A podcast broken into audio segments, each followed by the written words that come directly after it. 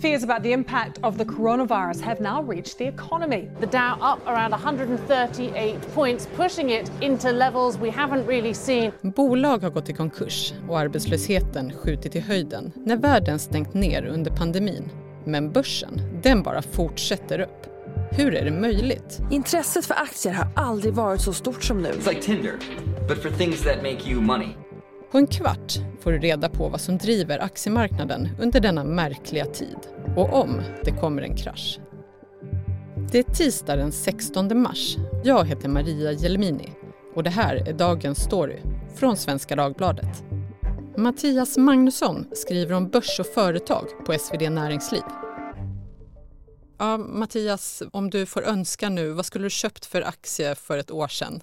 Oj, ja, det finns ganska många att välja på faktiskt. Uh, ja, jag kunde ju köpt mig en Tesla-aktie eller något väldigt En litet bara. hypat bolag som har gått extremt mycket.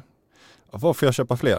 Uh, nej, jag har kanske köpt GameStop och sålt för ett tag sedan. Det är lätt att vara efterklok. Om man tittar på Stockholmsbörsen nu så nådde den nyss en ny toppnivå, ny all time high.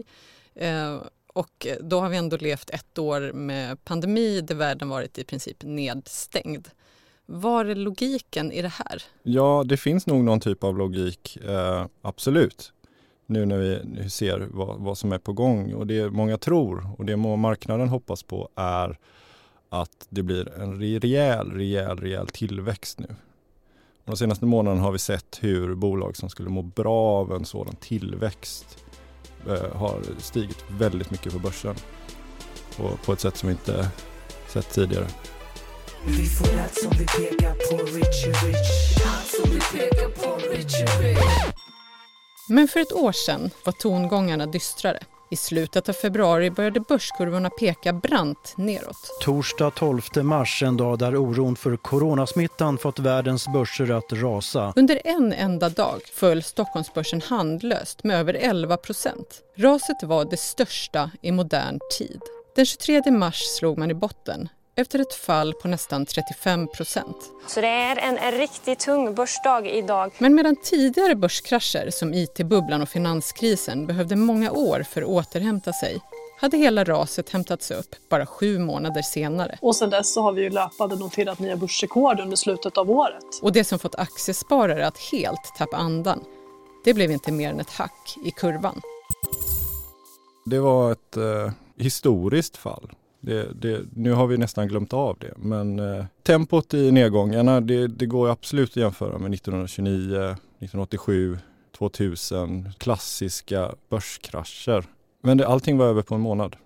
Sen tog det slut. Och varför vände det så snabbt? Första steget var att eh, amerikanska Federal Reserve verkligen visar att vi kommer gå in och göra allt vi kan. Samma signaler från Europa. Och sen så började det komma signaler om att även regeringar runt om i världen skulle göra något liknande. Där någonstans så nådde vi läget, att nu har det fallit tillräckligt. Det var väldigt billigt att köpa aktier där och då. Och då började folk köpa aktier. Och sedan dess har folk köpt och köpt och köpt aktier i ett år. Jag har en, eh, man kan väl säga, nära bekant som eh, då när det låg ungefär på botten sålde av stora delar av sparkapitalet för att inte förlora ännu mer. Det var inte så smart. Nej, Men sett till hur det var då, var det en, en logisk eller begriplig handling?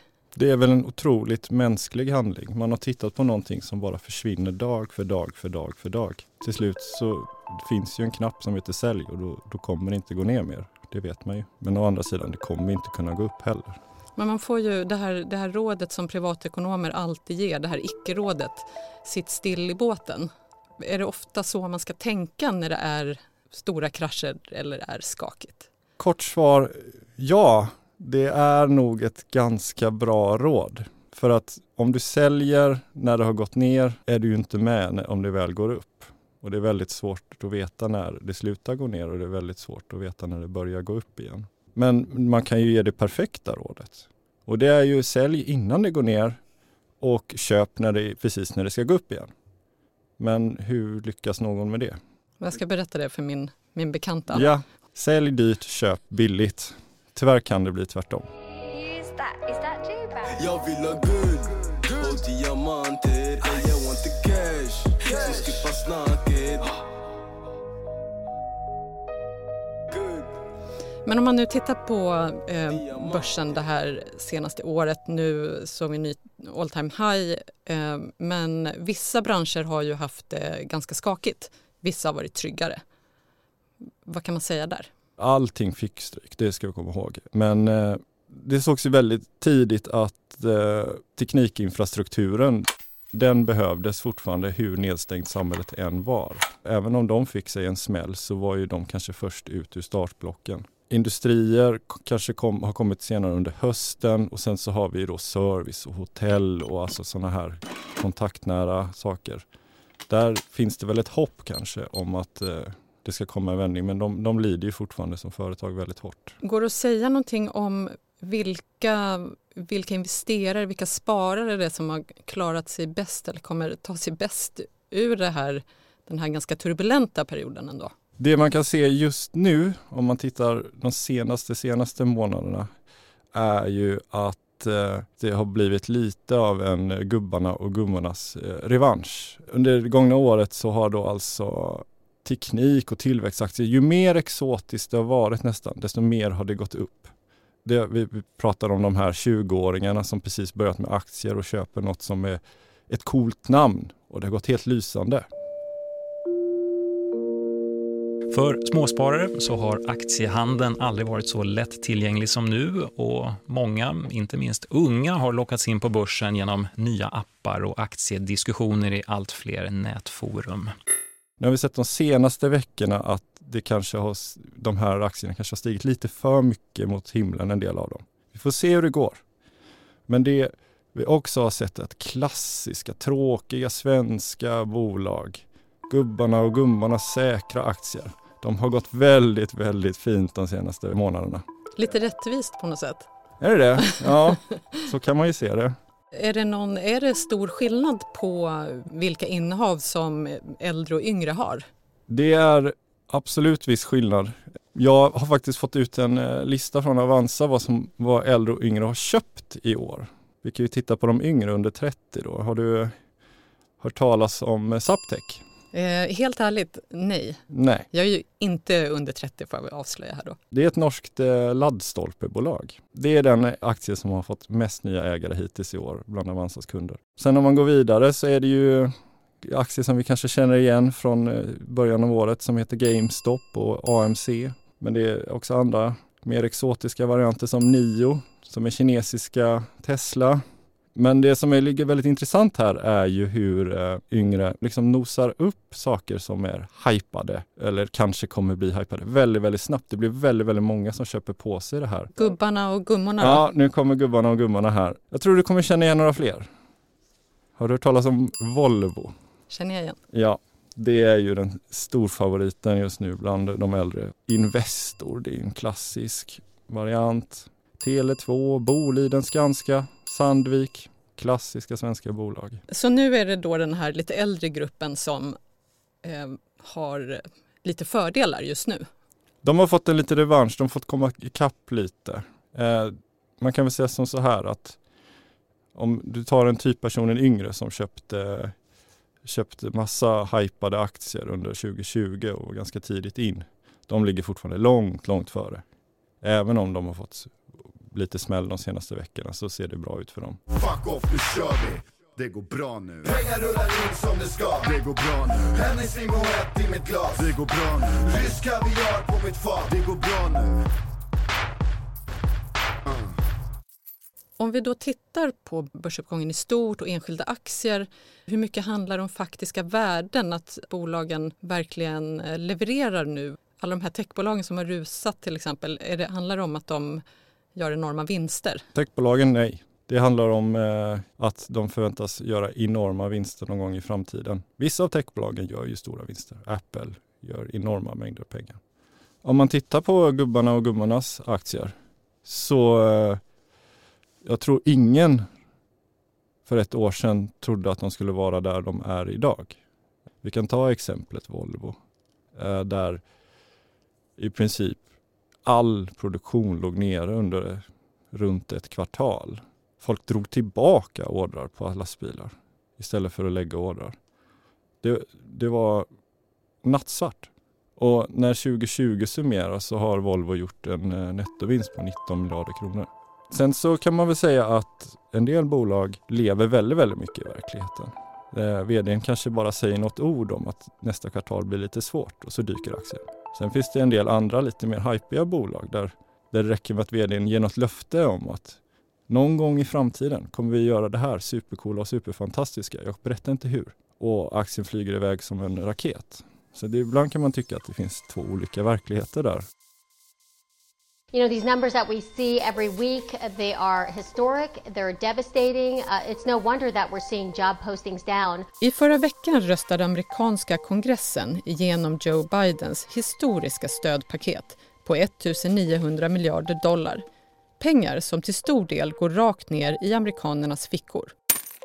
I Sverige fortsätter permitteringsstödet att betalas ut. Privatpersoner kan få amorteringsfrihet och Riksbanken har erbjudit sig att låna ut 500 miljarder till bankerna med nollränta till krisande företag.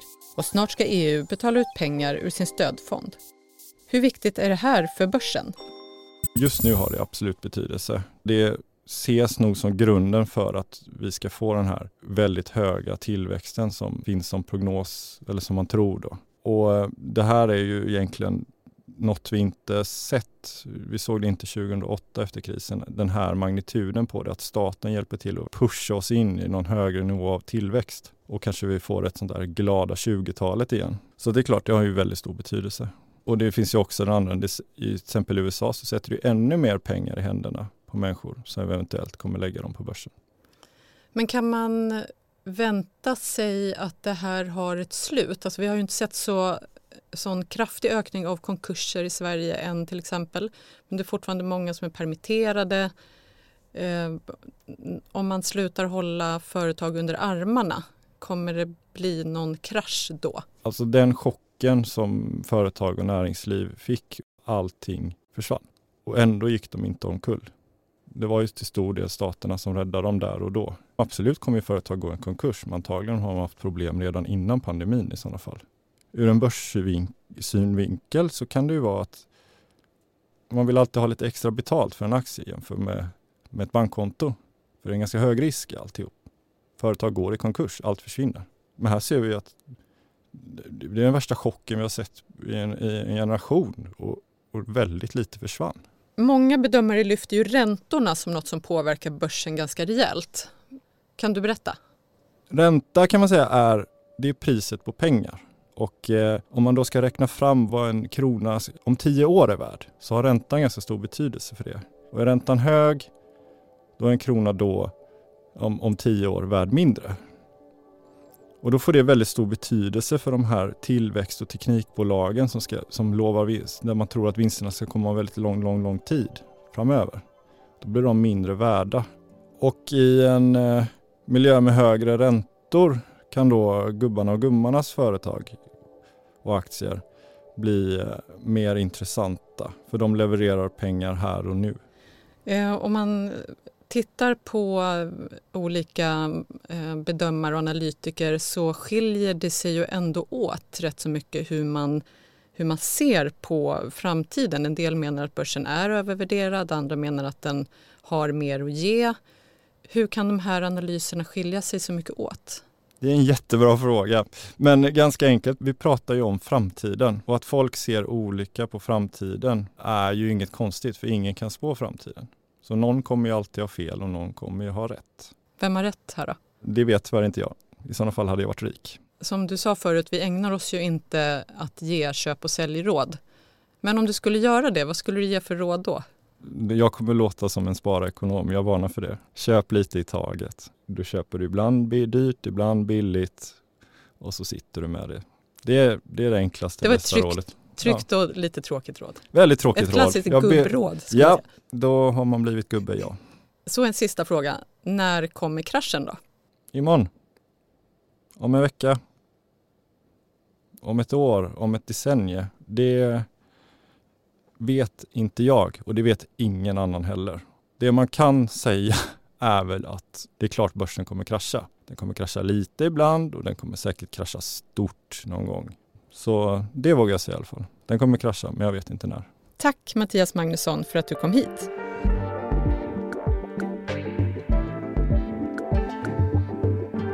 Och Mattias Magnusson och SvD Näringsliv fortsätter såklart att analysera bolagen och börsutvecklingen. Följ dem på svd.se.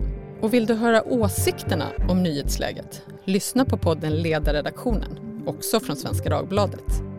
Vi som har gjort programmet idag är Siri Hill, producent och jag heter Maria Jelmini. Dagens story från Svenska Dagbladet ger dig djup och perspektiv på de viktigaste nyhetshändelserna.